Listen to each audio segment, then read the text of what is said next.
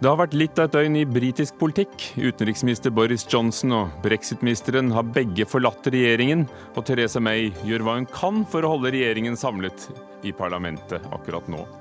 Høyre angriper Arbeiderpartiet for å flørte med sekstimersdagen. De ser til ytre venstre, sier Høyre, som møter Ap til arbeidslivsdebatt. Tyrkias president Erdogan har fått mer makt enn noensinne. I ettermiddag begynte hans nye femårsperiode som president, og det hele begynte med en kraftig utrenskning av statlige ansatte.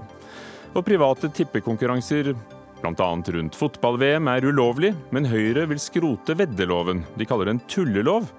Dette er en klassisk inngangsport til pengespillverdenen, sier Blå Kors.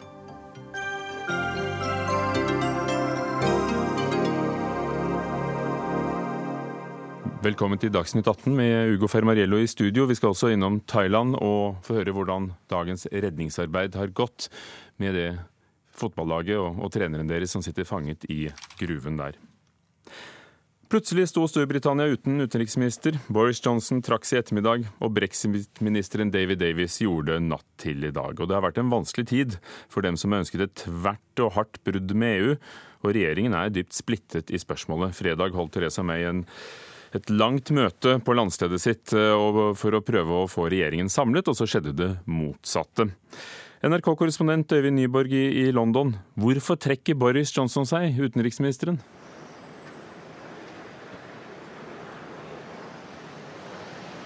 Hører du også, Øyvind Nyborg?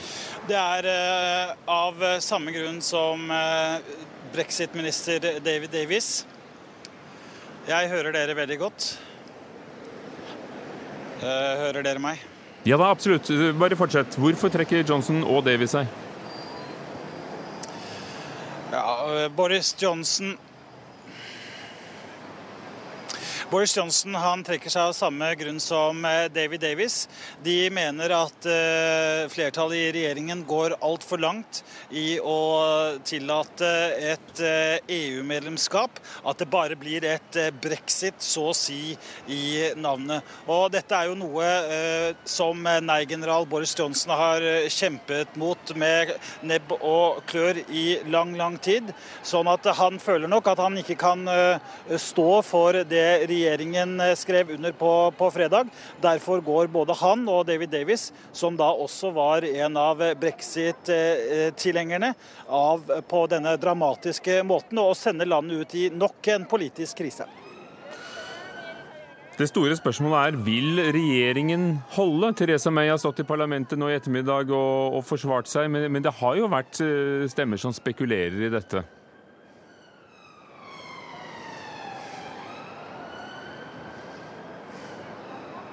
Ja, og det er jo ikke minst eh, i egne rekker. Blant eh, da opprørere i eget parti skal det holdes et eh, møte senere i ettermiddag. Dette er en gjeng som er ledet av erkekonservative Jacob Rees-Mogg.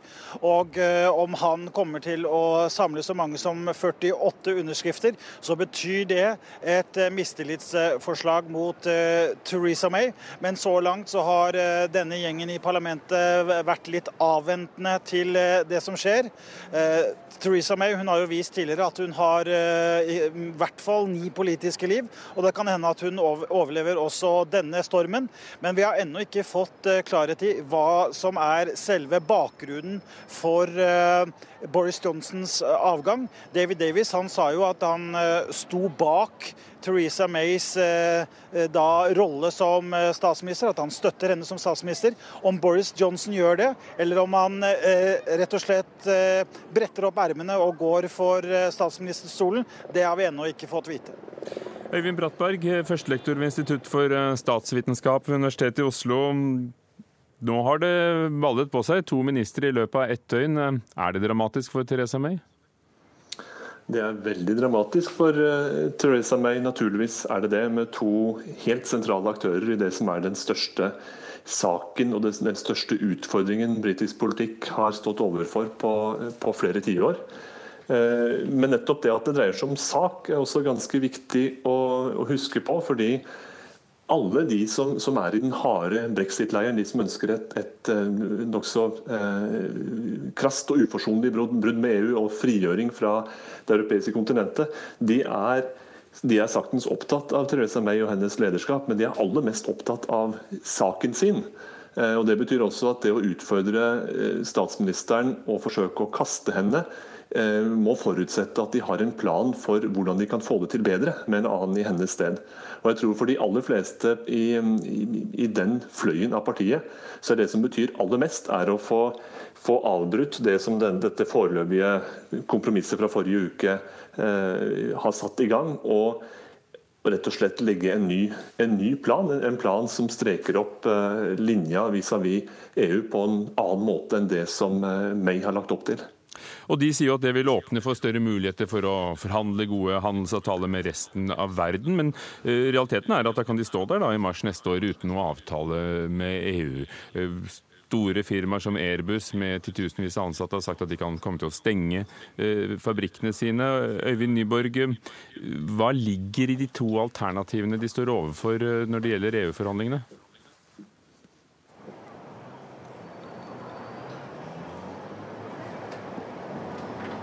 Nei, Nå må først og fremst eh, Theresa May få ro i egne rekker og også overbevise eh, da egne rekker, eh, både i regjering og i det konservative partiet i befolkningen for øvrig, om at den strategien hun har valgt, som hun selv sier er en pragmatisk strategi, og at hun faktisk leverer på brexit, som hun nå står og sier i Underhuset, så gjenstår det jo selvfølgelig da eh, en eh, forhandling. En forhandling som de sier skal eh, da komme fram til en, en skisse til en avtale så tidlig som i oktober. Men med denne politiske krisen hengende over seg, så er det jo muligens sjanse for at også den tidsfristen kommer til å ryke. Men det er klart at for Storbritannia og for regjeringen så er det et mandat eh, særlig som er viktig. og Det er nettopp dette som går på fri flyt av arbeidskraft. Nettopp at eh, Storbritannia skal etter brexit kunne ha kontroll med egne grenser. og Det er et svært viktig punkt for Theresa May å levere på. Gjør hun ikke det, så er hun iallfall ille ute. Øyvind Brattberg, hva sier du? Vil Theresa May klare å holde kabinettet sitt samlet? Hun sier hun vil, eh, hun vil, kjempe med nebb og klør mot ethvert uh, forsøk på å få henne av skal vi si, tronen. Hun har allerede brukt opp en del, en del, politiske liv i sin statsministertid, og det kan være at det finnes eh, enda et. Her og nå så, så heller jeg i den retning, men, men her vil, vil de, de, neste timene og døgnene vise som, eh, hvordan dette vil, vil, utvikle seg. Dersom Boris Johnson kaster eh, hatten sin inn i ringen, så, så blir det et åpent og, og, veritabelt oppgjør om hennes lederskap. Enn så lenge er det et åpent og veritabelt oppgjør om brexit-prosessen og retningen på den. Dette dette handler om. Og så må de neste dagene vise om det blir, blir mer enn en som så.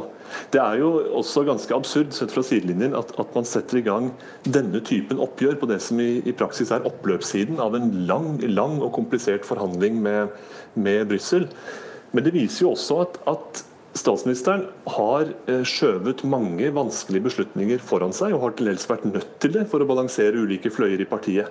Og Når man omsider da kommer til, til, sannhetens øyeblikk, en slags crunch time, så, så, viser det seg at det er umulig å forsone det som er utgangspunktet er fullstendig forskjellige eh, veivalg eh, ut av brexit-prosessen. Eh, og inntil hun klarer å forene det uforenlige, så er det vanskelig å se noe stødig lederskap fram mot mars neste år, hvor utmeldinga skal tre i kraft. Øyvind Nyborg, den som skal nå stå for forhandlingene, er da Dominic Raab.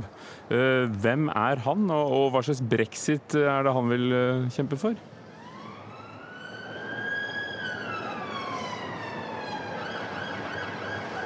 Ja, Han står for eh, den samme linja som eh, David Davies har stått for, nemlig han er en av de eh, prominente brexit-tilhengerne her i Storbritannia. Han er, kommer jo da fra stillingen som boligminister, relativt ung, 44 år, men har en ikke helt ubetydelig politisk karriere bak seg. Han har foreløpig sagt veldig lite selv om hvilken vei han ser for seg dette skal bære videre. Og så har uh, Theresa May ymtet frempå at det kan komme navn på ny utenriksminister allerede i dag. Er det noen spekulasjoner om hvem som kan fylle den posten?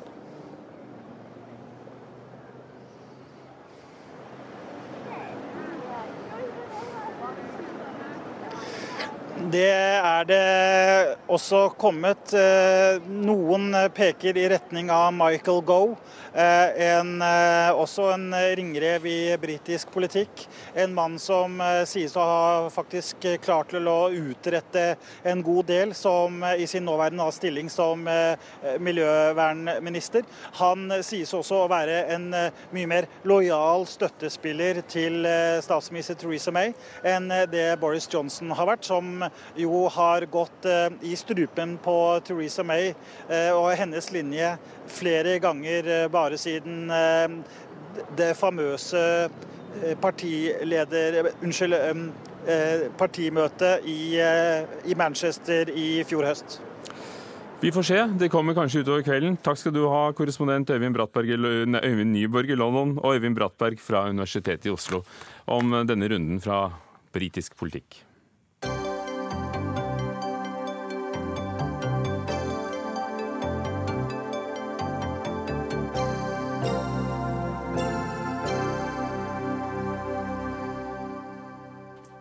Og I Norge handler det om arbeidslivet, bl.a. når politikken skal utformes. Arbeiderpartiet vil lage en helt ny arbeidslivspolitikk. Partiet har satt opp seks punkter for å reformere arbeidslivspolitikken. Bl.a. vil partiet vurdere og vurdere sekstimersdagen i noen bransjer. Høyre hevder Ap nok en gang ser til ytre venstre. Ina Libak, nestleder i AUF, flørter dere med sekstimersdagen, slik Høyre hevder? Nei, men hvis det er en ting som er sikkert, så er det at vi i Arbeiderpartiet alltid kommer til å se på ulike løsninger når vi skal lage ny arbeidslivspolitikk. Og det er jeg veldig glad for at vi gjør, fordi arbeidslivet i Norge er veldig mangfoldig. Og man trenger å uh, finne ulike tiltak for de ulike delene av arbeidslivet. Som sekstimersdagen? Ja, f.eks. For eksempel, fordi vi kommer til å se på ulike arbeidstidsordninger, uh, og hvordan ulike arbeidstidsordninger kan gi bedre helse. Og da har jeg bare lyst til å trekke frem ett eksempel. fordi på Tine Heimdal så har de faktisk innført sekstimersdag, og der har man sett at produksjonen den har gått opp, og samtidig har sykefraværet gått ned. Og vi i Arbeiderpartiet vi kommer alltid til å se på gode eksempler fra arbeidslivet når vi skal lage ny politikk. Og da er det ikke snakk om å ha sekstimersdag over hele linja.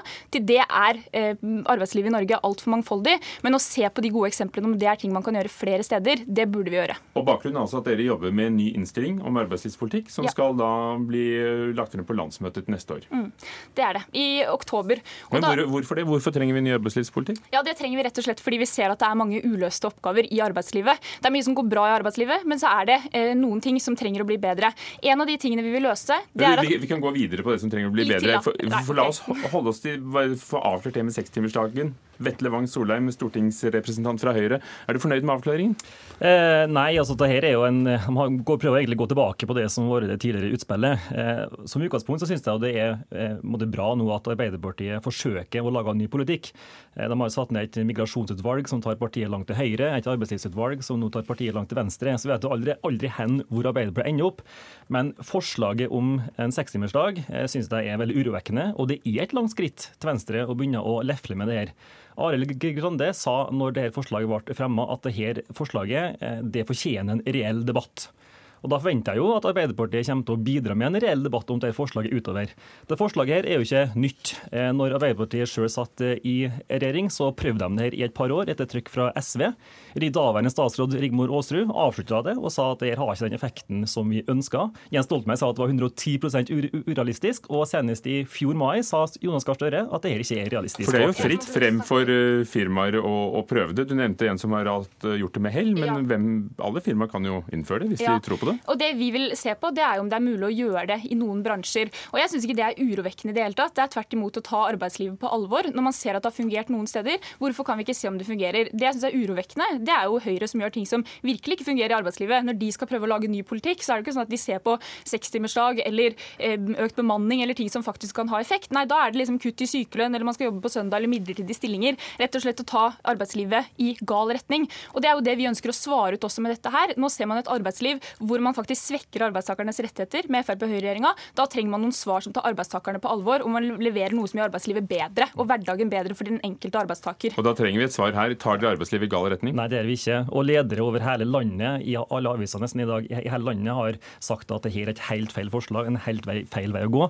Vi vet at eh, Norge kommer til å ha flere hender per pensjonist i åra som kommer. Da er det jo, Vi må egentlig effektivisere oss mer. Vi må ha økt produksjon per ansatt. og Det å da begynne å gå ned på en sekstimers arbeidsdag arbeidsdag og få betalt for 7,5 er jo en helt feil vei å gå. Men det er altså ett av mange forslag dere skal se på i Arbeiderpartiet. La oss høre mer om den veien dere vil gå. og så ja, eh, Hvilke andre punkter er det? Ja, der er det for at Vi har lyst til å ta et oppgjør med New Public Management, og at vi må ha mer tillit i arbeidslivet til de som jobber. Og Det mener jeg er veldig viktig, fordi også med Frp-Høyre-regjeringa nå, hvor man har fått økt privatisering, mer anbud og mer stoppeklokke, f.eks. i helse og omsorg. For Det er det du legger i New Public Management? Ja. Altså ting ut på, tjenester ut på anbud? Ja, og at uh, man får en arbeidshverdag som er prega av at man må levere til skjema, heller enn at man faktisk kan bruke kompetansen sin. Og Der syns vi det er viktig at man heller øker grunnbemanninga i helse og omsorg f.eks., eh, og at man har faste hele stillinger, sånn at folk kan levere gode tjenester til de de er satt til å tjene.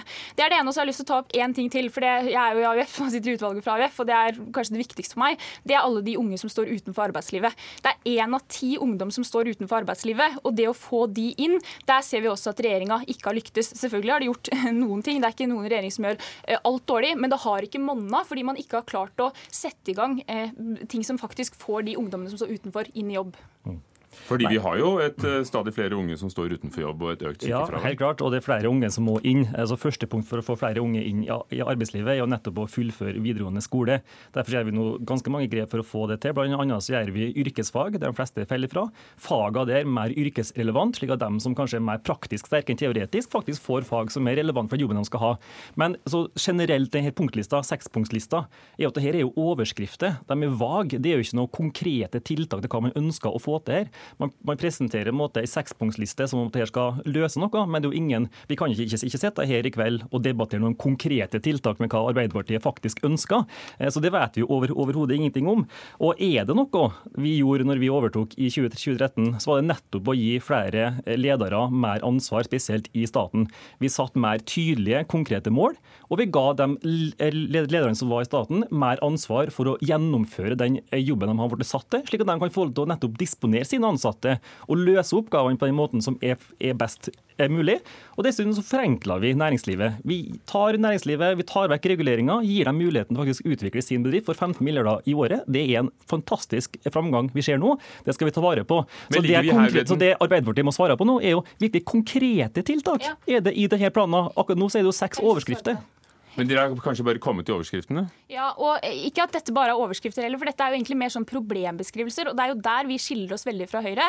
For mens Høyre er veldig fornøyd med det arbeidslivet vi har i dag, så vil jeg si nei, det er jeg ikke fornøyd med. Fordi mange arbeidstakere Han sier at han snakker med ledere og de er fornøyde. Vi snakker med veldig mye arbeidstakere, og det er det vi har gjort i utvalget. Og mange av de er ikke fornøyd med arbeidshverdagen. Og da har vi lagt frem hvilke problemer er det vi skal løse, og det er det dette handler, om her nå. Skal vi diskutere frem til oktober når dette skal legges frem. Da kommer det mer konkrete, eh, konkrete ting. Men da vil jeg i hvert fall si at det vi ikke skal gjøre, det er økt midlertidighet og ting som vi vet at gjør at arbeidstakerne faller ut. Du sier at folk må jobbe lenger. Ja, Da må de i hvert fall ha en arbeidshverdag hvor de faktisk har mulighet til å ha det bra på jobb, og hvor de ikke sliter ut kroppen sin før pensjonsalder. Og Det er det disse forslagene her handler om. Det handler om bærekraft for velferdsstaten. Og når den planen kommer, så møtes vi alle igjen sikkert. Men oversikten fra Nav viser altså at antall unge uføre øker stadig.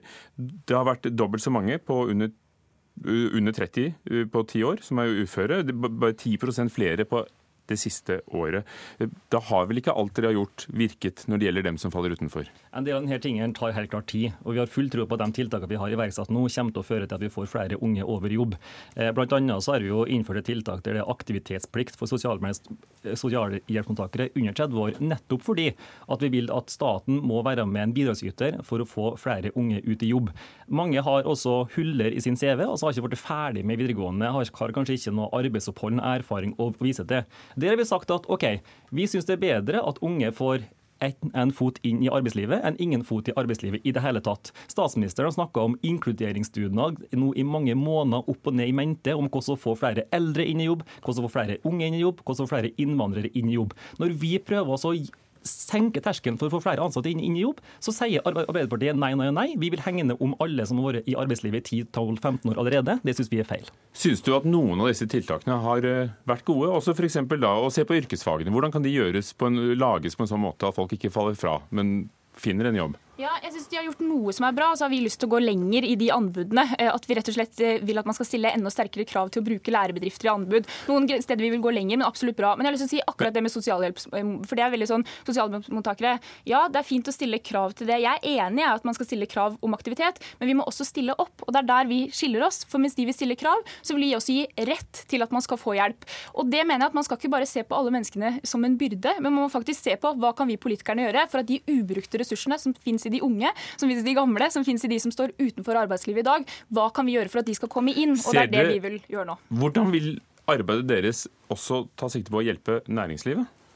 Ja, eh, For Du eh, snakker mye om arbeidstakerne, men mm. hva med arbeidsgiverne? Vi må jo ha et produktivt næringsliv hvis det i det hele tatt skal være noen jobber å gi? Ja, Det er jeg helt enig i, og vi kommer til å legge frem forslag på å, eh, på å eh, ha et produktivt næringsliv også. Men så har jeg lyst til å bare ta opp akkurat det med den motsetningen. at for eksempel, Jeg nevnte jo Tidene Heimdal, da, og det er jo der man må se på de tingene som ofte er bra for arbeidstakerne. ikke sant? Det er ofte bra for lederne også, og hvor man kan få til en vinn-vinn-situasjon der. Hvis man både ser at produksjonen øker og sykefraværet går ned, så er det ikke en motsetning mellom det som er bra for næringslivet og det som er bra for arbeidstakerne. Heller tvert imot. Hvis folk har det bra på jobb, så er det også produktivt for næringslivet. Vil dere kunne finne frem til noen eh, store politiske enigheter her, sånn som det har skjedd med pensjonsreform og andre ting? Ja, det, det, det er rom for det, så, så, vil vi det. Men det er jo helt symptomatisk å høre hvor lett Arbeiderpartiet hopper over når du stiller spørsmål om næringslivet. Hopper glatt over det og fortsetter å snakke om noe helt annet. Næringslivet steiler jo når de hører forslag om sekstimersdag. Steiler jo når de hører forslag om å øke skattene. Nå har det ikke vært forslag om sekstimersdag ennå. Når det er snakk om å ha eh, midlertidig, altså fjerne midlertidige stillinger, senke kravet for innleie. Altså, her er snakk om å faktisk få dem som vil inn i arbeidslivet, en fot inn, slik at de faktisk får en CV å søke videre med. og Det kommer regjeringa til å fortsette med å jobbe med. Er det en grunnleggende uenighet i hvor dere har eh, blikket rettet? Nei, jeg mener ikke det. For jeg tror virkelig at hvis man klarer å sørge for at arbeidstakerne eh, har det bra på jobb, så blir det også produktivt. Norge er et av de mest produktive landene, og det er fordi vi har hele faste stillinger. Fordi vi har en sykelønnsordning som Høyre er opptatt av å utfordre gang på gang. Fordi vi har de rettighetene som gjør at folk det lønner seg å gå på jobb fordi du vet at du har et sikkerhetsnett. Vi er uenige, for vi ønsker nemlig å senke terskelen for å få flere inn i arbeid. Arbeiderpartiet ønsker å heve den. Det er uenigheten. Vi vil ha fast jobb, ikke midlertidig jobb. Vi må si stopp, vi. Vetle Wang Solheim fra Høyre på Stortinget, takk skal du ha. Ina Libak, nestleder i AUF.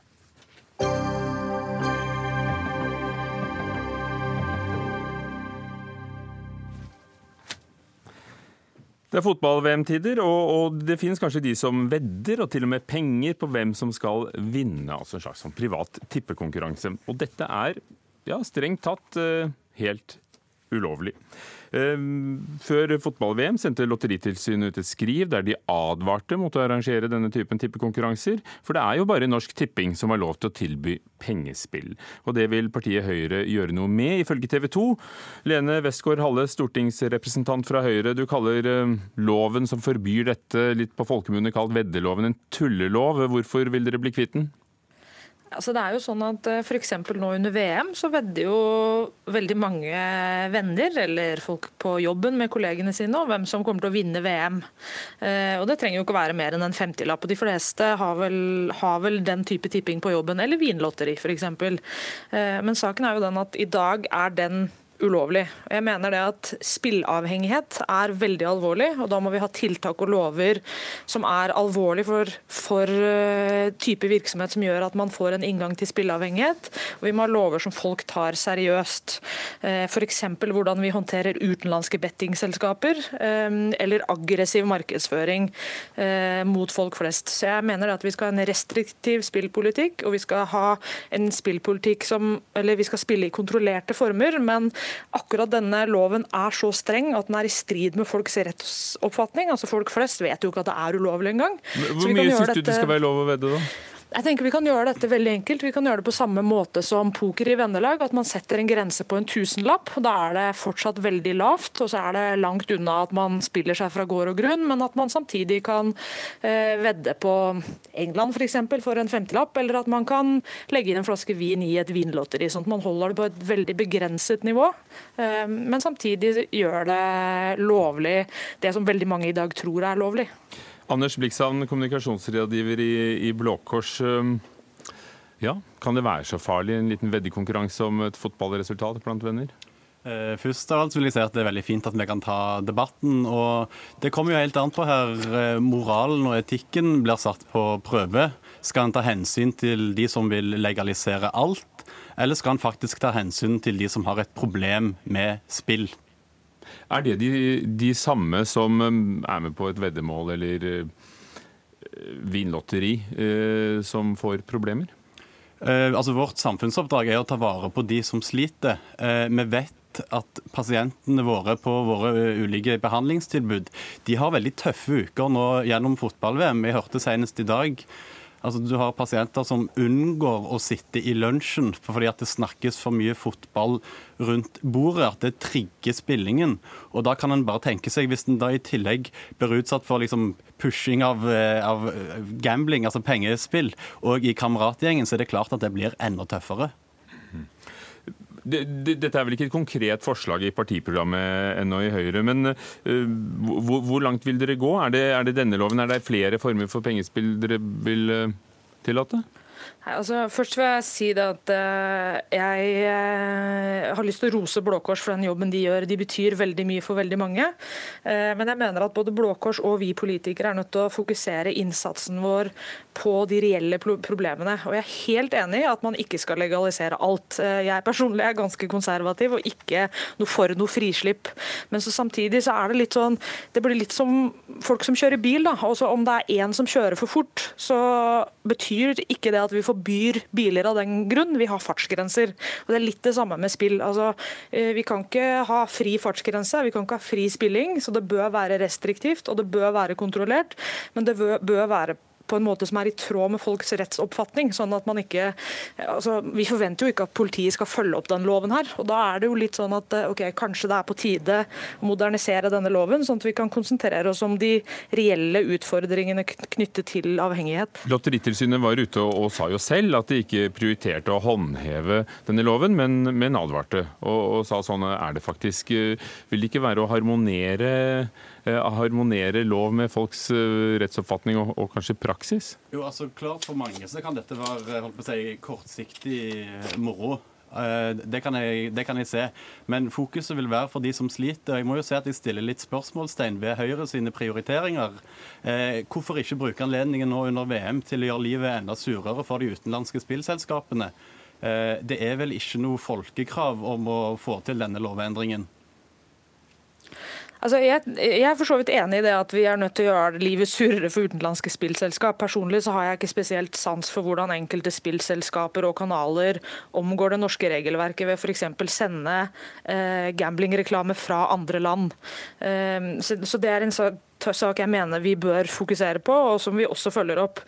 Utfordringen med denne, denne saken er at hvis du vedder en 50-lapp nå i VM, så gjør altså det gjør tusenvis av nordmenn til lovbrytere. Vi har ingen intensjon om å følge det opp. Det er ingen som ønsker å følge det opp. Lotteritilsynet ønsker ikke å følge det opp. Folk vet ikke at det er ulovlig. Ehm, jeg ønsker ingen frislipp, ingen ehm, kjempeliberalisering. Men, men, men arbeidsgivere må vel etter hvert, sånn- unnskyld at jeg avbryter eh, men siden vi sitter på hver vår tue her, arbeidsgivere må vel etter hvert ha fått det med seg, og mange vinlotterier er jo blitt, eh, blitt avbrutt og avgått ved døden. Er det ikke sånn at jobben må være et sted hvor du slipper å møte det? Så jeg tror det er veldig mange som ikke er klar over at dette er ulovlig. og Det blir jo, det blir jo litt som om samboeren din kommer hjem en dag med blomster og hevder at det er fordi at i dag så har, har vi vært sammen i elleve år, og så sier du nei, vi har faktisk bare vært sammen, nei, vi har bare vært sammen i tolv år. Og så sier den ene ja, skal vi vedde? Ja, greit, jeg vedder en femtilapp. Det er ulovlig i dag. Altså, det er noe med at man, man må ha lover som er litt i tråd med rettsoppfatningen til folk. og jeg synes det at Hvis vi setter en grense på samme måte som pokerlag blant venner på 1000 kroner, så holder man den grensen såpass lav at det ikke er noe inngang til spillavhengighet. det står vel også noe om betydelig innsats i dag. Tilsynets mann ga i Aftenposten et eksempel på en softis uh, kunne være i orden. Men eh, Anders uh, Blikshavn, har dere merket økt pågang etter at det ble lov å, å drive med poker hjemme opptil 1000 kroner for tre og et halvt år siden? Det har jeg ikke noen eksakte tall på. Eh, men det jeg vet er at på vår poliklinikk i Oslo der har vi 6000 konsultasjoner i året. 3000, altså halvparten av de konsultasjonene går på spill. Sånn at dette her er et eh, sterkt økende problem. Eh, og jeg vil... Det er ikke en for streng lov i dag? Jeg vil, jeg, vil si, jeg vil, si, til Høyre at dette her, ja, er kanskje en liten endring, men det er en endring som jeg er redd vil få store konsekvenser for hele den norske spillpolitikken som vi har i Norge i dag. Vil dere jobbe i Høyre for å få det inn i partiprogrammet, sånn at vi vet hva vi går til valg på? Ja, altså det, Dette kommer vi til å gjøre noe med. Altså Utfordringen i dag er jo, også som Blå Kors sier, altså, det er jo nettspill, det er automater, det er aggressive utenlandske selskaper. altså det er, jo, det er, jo, de utfordringene vi er nødt til å komme til livs. og Det er jo de utfordringene som er virkelig store. Og der er dere nok enige? Vil jeg ja, tro. Det er vi nok. Mm, takk skal dere dette, ha. Jeg må si takk der. Lene Westgård Halle fra Høyre på Stortinget. Anders Bliksand fra Blå Kors.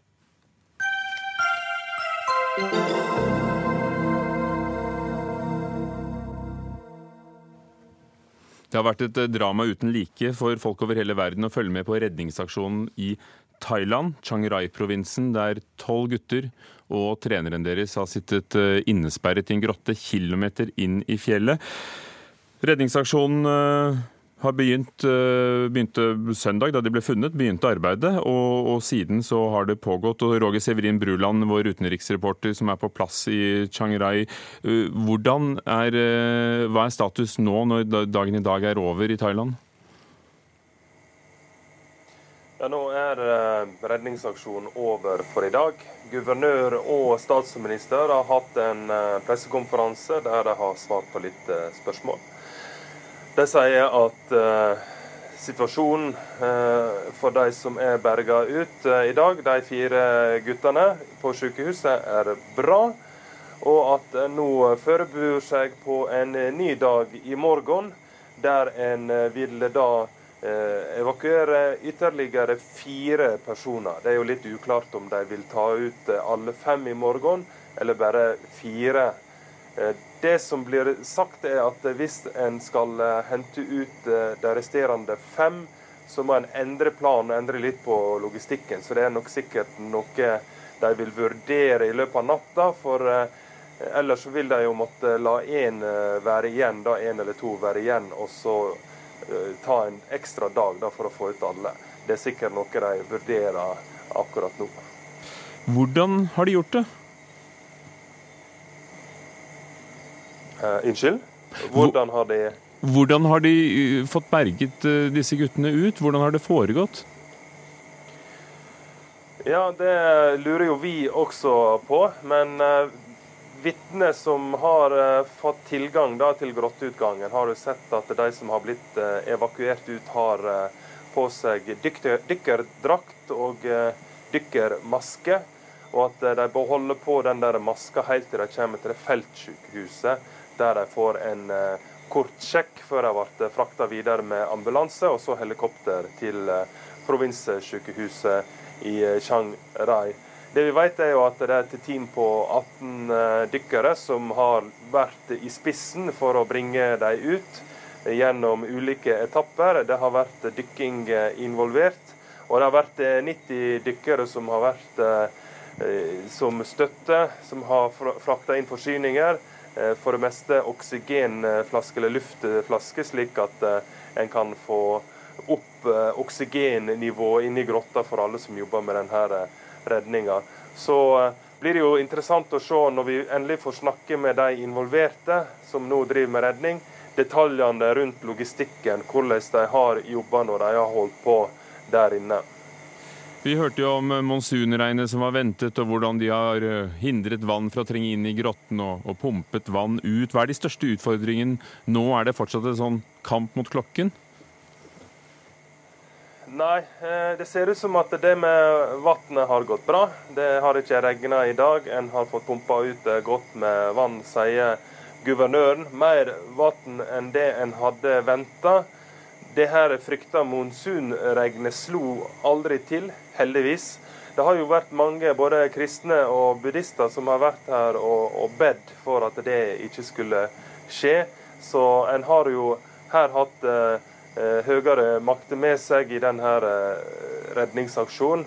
For hadde det kommet et voldsomt monsunregn, et langvarig monsunregn, så hadde jo det skapt store problemer for eh, denne redningsaksjonen. Nå hadde en jo gjort en del tiltak eh, i fjellet bak eh, grotta, der en hadde veita godt, slik at eh, mye av vannet ville nok bli drenert vekk fra grotta. Men hadde det kommet et skikkelig monsunregn, så hadde det nok også siget inn i grotta, og vannstanden kunne nok ha steget. Så alle er jo glad for at det værvarselet der ikke slo til. Takk skal du ha, Roger Severin Bruland på plass i, i Chiang Rai i Thailand.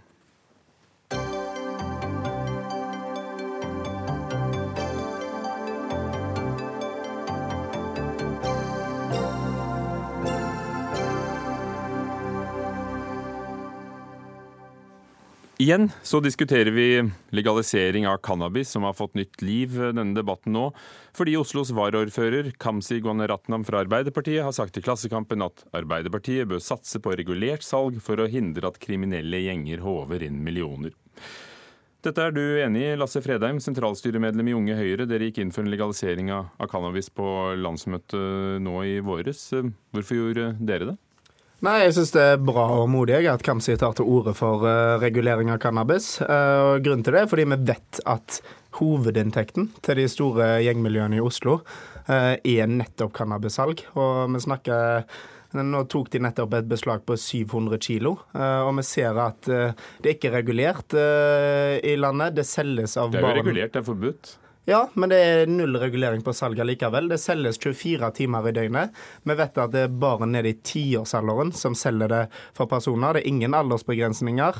Eh, så, det, er veldig naivt å tro at cannabis er regulert, selv om det er forbudt, når vi vet at det selges på åpen gate i Oslo eh, hver dag, eh, hver time. Og det er aldri noe stopp og sikkert ikke bare i Oslo. Men Martine Tønnesen, leder i Kristelig Folkepartis Ungdom. Dere har mange argumenter mot legalisering, men aller først, tror du det ville hjulpet mot kriminalitet og, og gjengkriminalitet?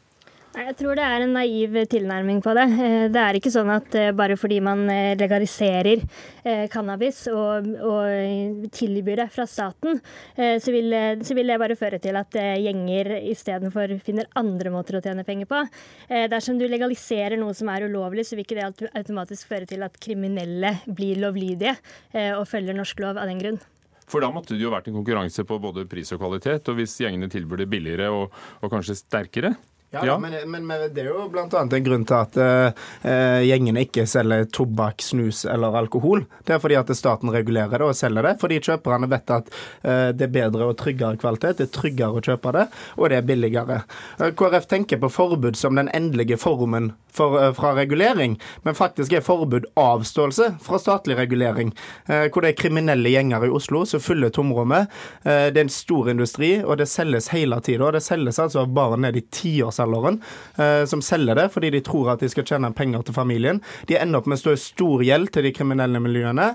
Eh, og så har staten og politiet ingen kontroll på salget og hvem som kjøper det. Hva er deres viktigste argumenter mot legalisering i KrF? Målet for ruspolitikken bør alltid være at eh, færrest mulig skal bruke rusmidler. Eh, og når man skal legalisere eh, cannabis, som Unge Høyre tar til orde for, så legger man jo opp til at staten skal gå inn og tilby salg av rusmidler.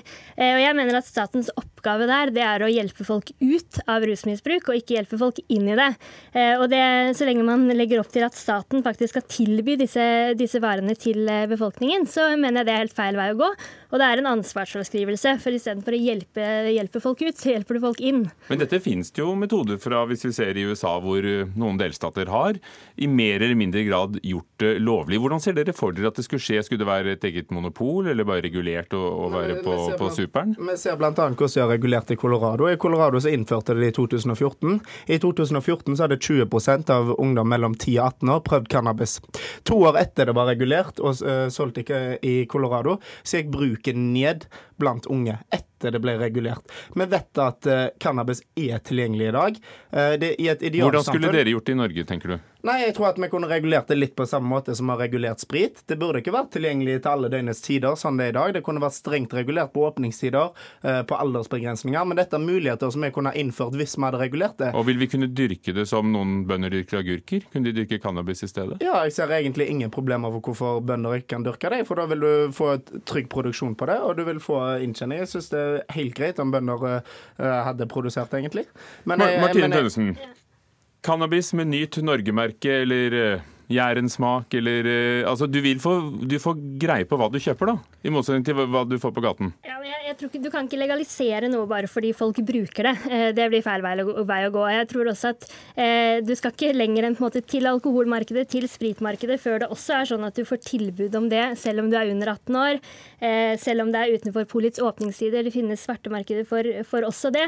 Eh, så jeg tror ikke du vil bli kvitt eh, det, det mørke eller, eller eh, markedet eh, s- Men- men- selv om du regulerer det. Og jeg tror heller ikke at eh, Jeg tror også at en del gjenger heller vil gå over til tyngre narkotiske stoffer og, og ikke slutte å selge det. Men eh, undersøkelser viser jo at eh, hasj bl.a. er mer tilgjengelig på videregående skoler i dag enn alkohol. Nettopp fordi at eh, alkohol selges gjennom lovlig regulert eh, marked til personer over 18 år. Hasj reguleres ikke på noen som helst måte. Tilgjengeligheten er stor på alle skolene. Det, viser det vises det når det tas razziaer på skoler.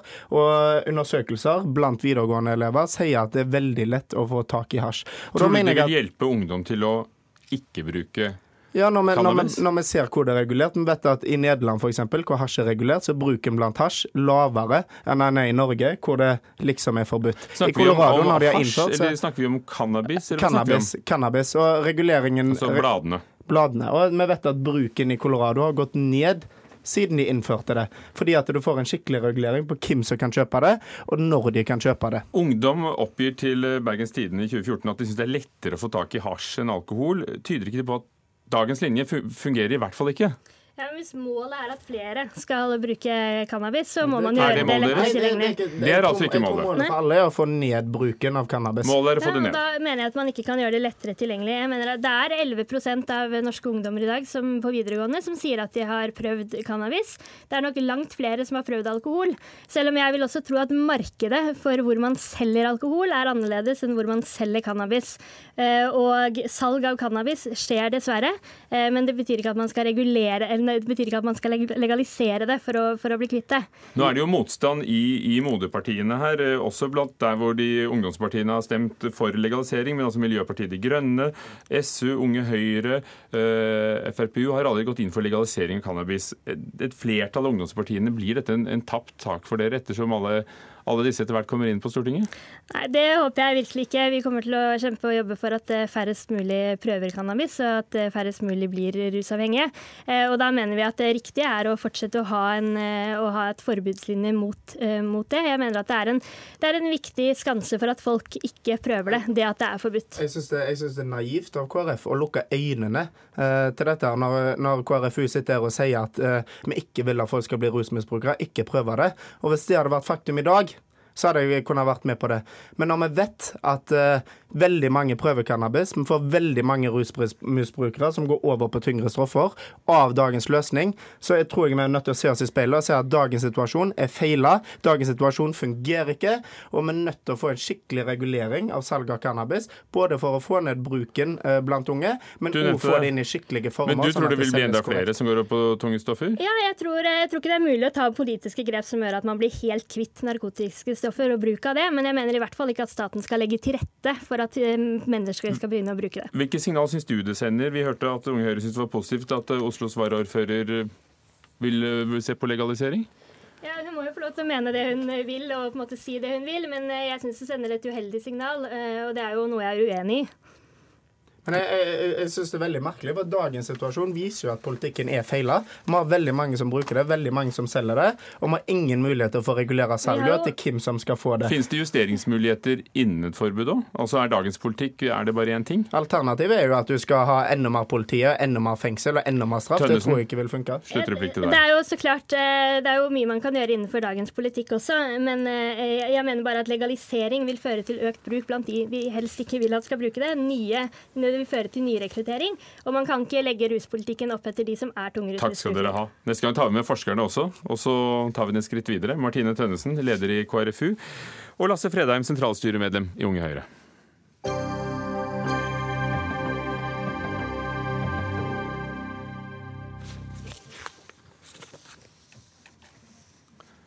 Vi skal til uh, Tyrkia. Der har uh, president Erdogan blitt tatt i ed i ettermiddag. Han fikk ett minutts applaus fra sine tilhengere. Han har sittet ved makten uh, siden 2003, først som statsminister for rettferdighets- og utviklingspartiet AKP, og siden 2014 som president. Og nå er det altså fem nye år 64-åringen får. Sissel Wold, vår korrespondent på plass i Istanbul innenfor gjerdet til palasset. Hva foregår utenfor parlamentet nå? Ja, nå er det et underlig skue, for nå går det mange eh, menn forbi her med pil og bue og i rustninger, og de har på seg kostymer slik eh, soldatene var eh, kledd for 100 og 200 og 300 år siden.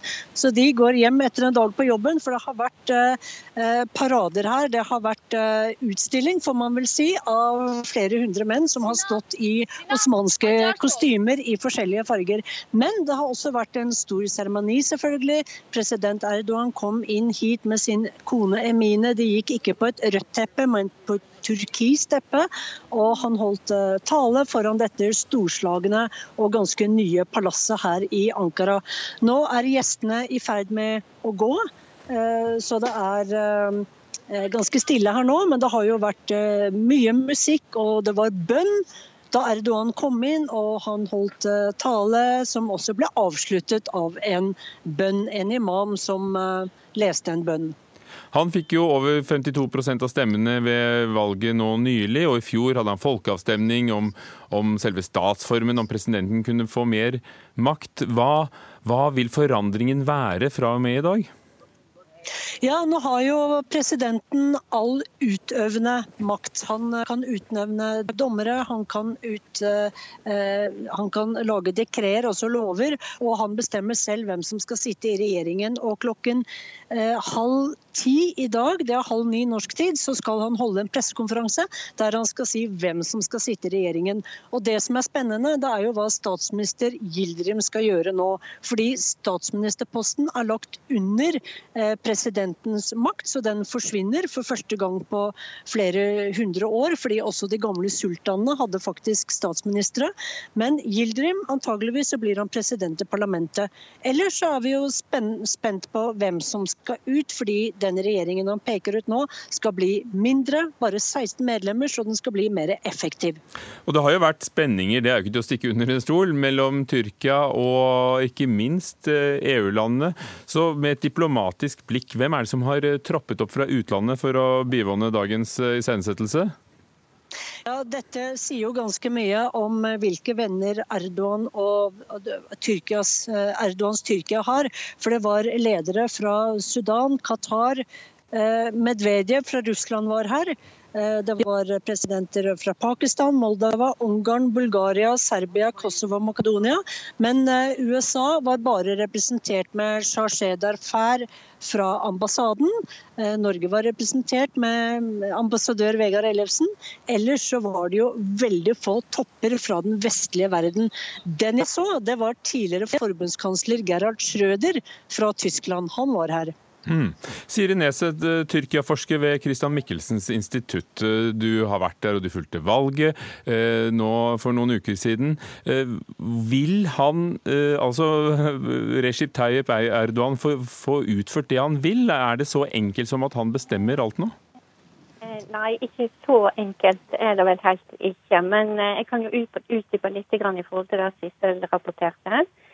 Eh, altså Hovedkonsekvensen av dette skiftet nå er at eh, du får en, svak, svakere makt, maktfordeling mellom utøvende, lovgivende og dømmende kraft. Altså Erdogan som president er jo òg leder av AKP, hans eh, parti i parlamentet. Og eh, som konsekvens av at Erdogan og Nasjonalistpartiet vant flertall i parlamentet nå ved valget, så vil det i praksis si at opposisjonen i parlamentet er spilt utover sidelinjen. Uh, og dersom alliansen mellom AKP og Erdogan og nasjonalistpartiet holder, uh, så vil det være veldig få uh, kontrollfunksjoner parlamentet fortsatt har overfor presidenten, fordi at det kreves et absolutt flertall for å kunne imotgå dekret utstedt fra president Erdogan. Så dette nasjonalistpartiet har jo da 49 eh, seter i, i, i parlamentet. Står de, hva står de for? I hvilken retning vil de dra Erdogan? Altså, Det er jo mange små detaljer i forskjellene mellom AKP og Erdogan og Nasjonalistpartiet. Men sånn kanskje mest interessant for lytterne, så er jo det med utenrikspolitikken eh, nå blir veldig viktig. da i, forhold til å se hvilken rolle MHP får eh, i denne regjeringen, eller hva man skal kalle det. Altså, Nasjonalistene også? Ja, nasjonalistene. Eh, altså Erdogan må på en måte klare å balansere politikken sin vis-à-vis eh, USA, EU, Russland og Midtøsten. Og det kan vise seg vanskelig dersom eh, nasjonalistpartiet får gjennomslag for sin ideologi i, eh, i samarbeidet. Eh, spesielt da kanskje i forhold til Vesten generelt, hvor Nasjonalistpartiet har en veldig antivestlig holdning. Men òg spesielt i forhold til kurderspørsmålet, selvfølgelig. Og Armenia-spørsmålet og Kypros-spørsmålet. Så vil det kunne bli vanskelig. Ja, Det er noen hete poteter i tyrkisk politikk. Jeg vil gjerne bare avslutte med å stille Sissel Wold et spørsmål. Dette med å nærme seg EU og, og, tenke på et fremtidig medlemskap, det er vel helt, helt spilt av banen nå? Jeg tror ikke så mange tror at Tyrkia blir EU-medlem, men det å holde den døren åpen og holde forhandlingene i gang kan være verdifullt i seg selv, med, med tanke på handelsavtaler og sånn. Men det jeg tror eh, blir spennende nå, er hvordan Tyrkia forholder seg til salg og kjøp av, eh, kjøp av olje med Iran. USA har jo sagt at at USA skal straffe med sanksjoner de landene som kjøper olje fra Iran. Tyrkia har sagt at de bryr seg ikke om hva USA sier om det. Og så er det USA sier at Russland Eh, at Tyrkia ikke må kjøpe dette rakettsystemet fra Russland. Men der sier også Erdogan at vi kjøper av hvem vi vil. Så det ligger an til spenninger eh, innad eh, i Nato-familien. Og det blir jo et veldig spennende Nato-møte nå i denne uken, der hvor også den nyinnsatte president Erdogan kommer med mer makt denne gang. Takk skal dere ha. Sissel Wold, vår korrespondent innenfor palasset i Istanbul, og Siri Neset ved Christian Michelsens institutt.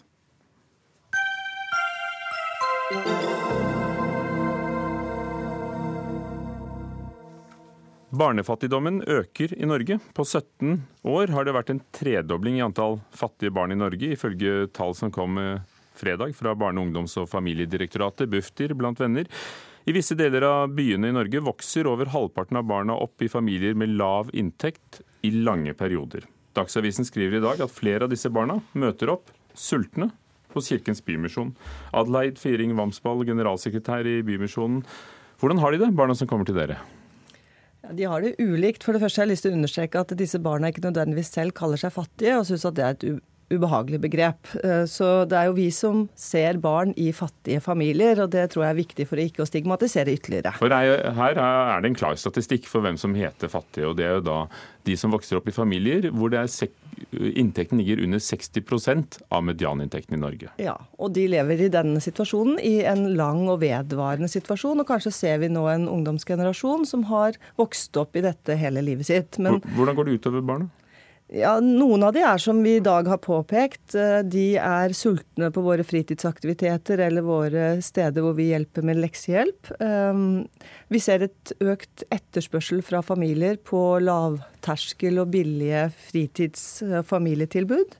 Vi ser jo også at i våre arbeidstilbud så får vi stadig spørsmål om å ta imot ungdom som har gått ut av skolen, og som kanskje både på hjemmebane og ellers ikke har tilstrekkelig guts til å stå ut skolegangen og utdanningsløpet sitt.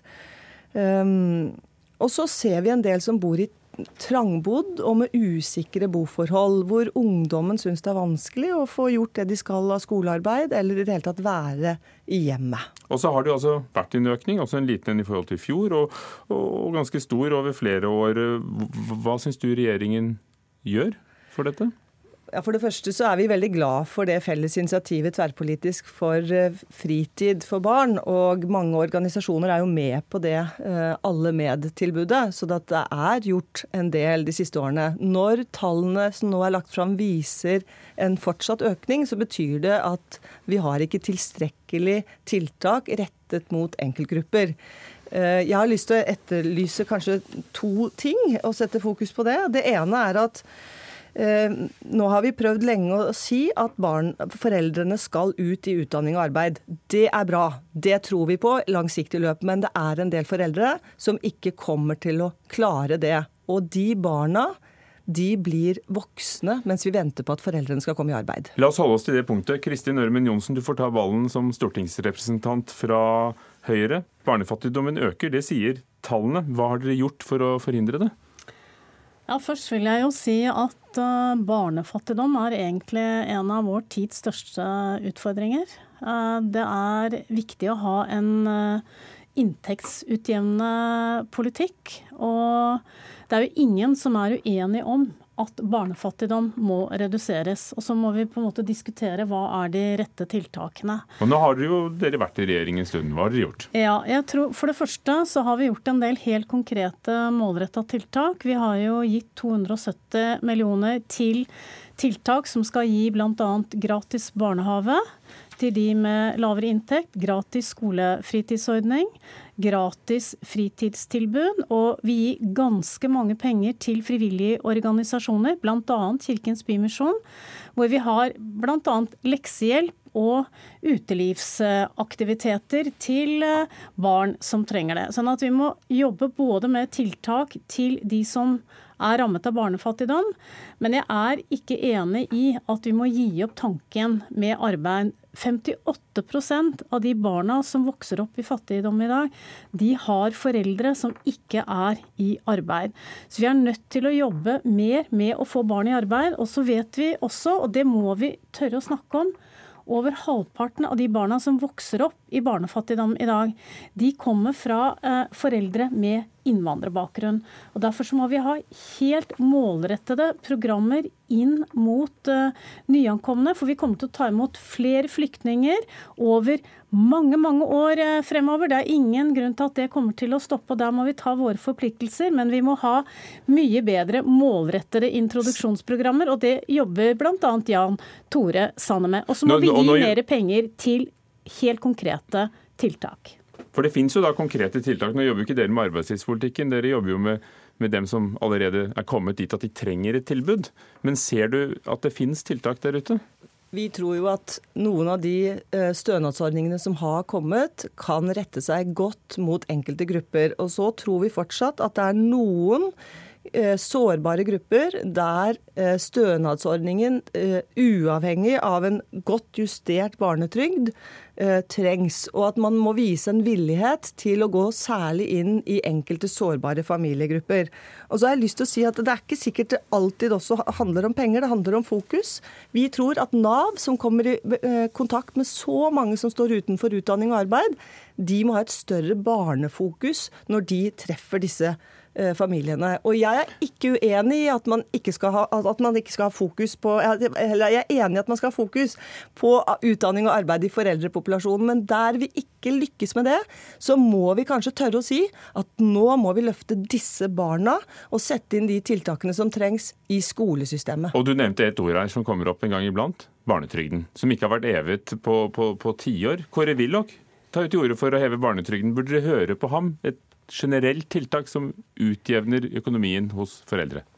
Ja, Nå hører vi veldig ofte på vår kloke Kåre Willoch, men akkurat når det gjelder heving av barnetrygd, så, så er ikke vi enig. Fordi at barnetrygden er en generell ordning, og vi har sett at dersom vi skal heve barnetrygden bare for en familie til 500 kroner måneden, det skal liksom monne litt, det vil totalt sett koste 7 milliarder kroner. Og da mener jeg at vi kan målrette de pengene inn på akkurat de som nevnes her, de sårbare der hvor Men apropos sårbare, unnskyld at jeg avbryter, men Vansmann nevnte stønad. Dere har jo kuttet da, eh, stønad til uh, uføre. Uh, er det noe som forsterker eller forhindrer barnefattigdom? At det vi totalt sett gjør når det gjelder sosialpolitikk, vi er opptatt av arbeidslinjen. For vi ser at to inntekter og bare hvis du har mulighet til å jobbe i 25% så vil det heve inntekten til familien. Og der må Nav og kommunene jobbe bedre. Takk skal dere ha. Og det var så langt vi kom. Fredrik Lauritzen var ansvarlig for Dagsnytt 18, og Finn Lie teknisk ansvarlig, Ugo Fermariello programleder. Takk for i dag.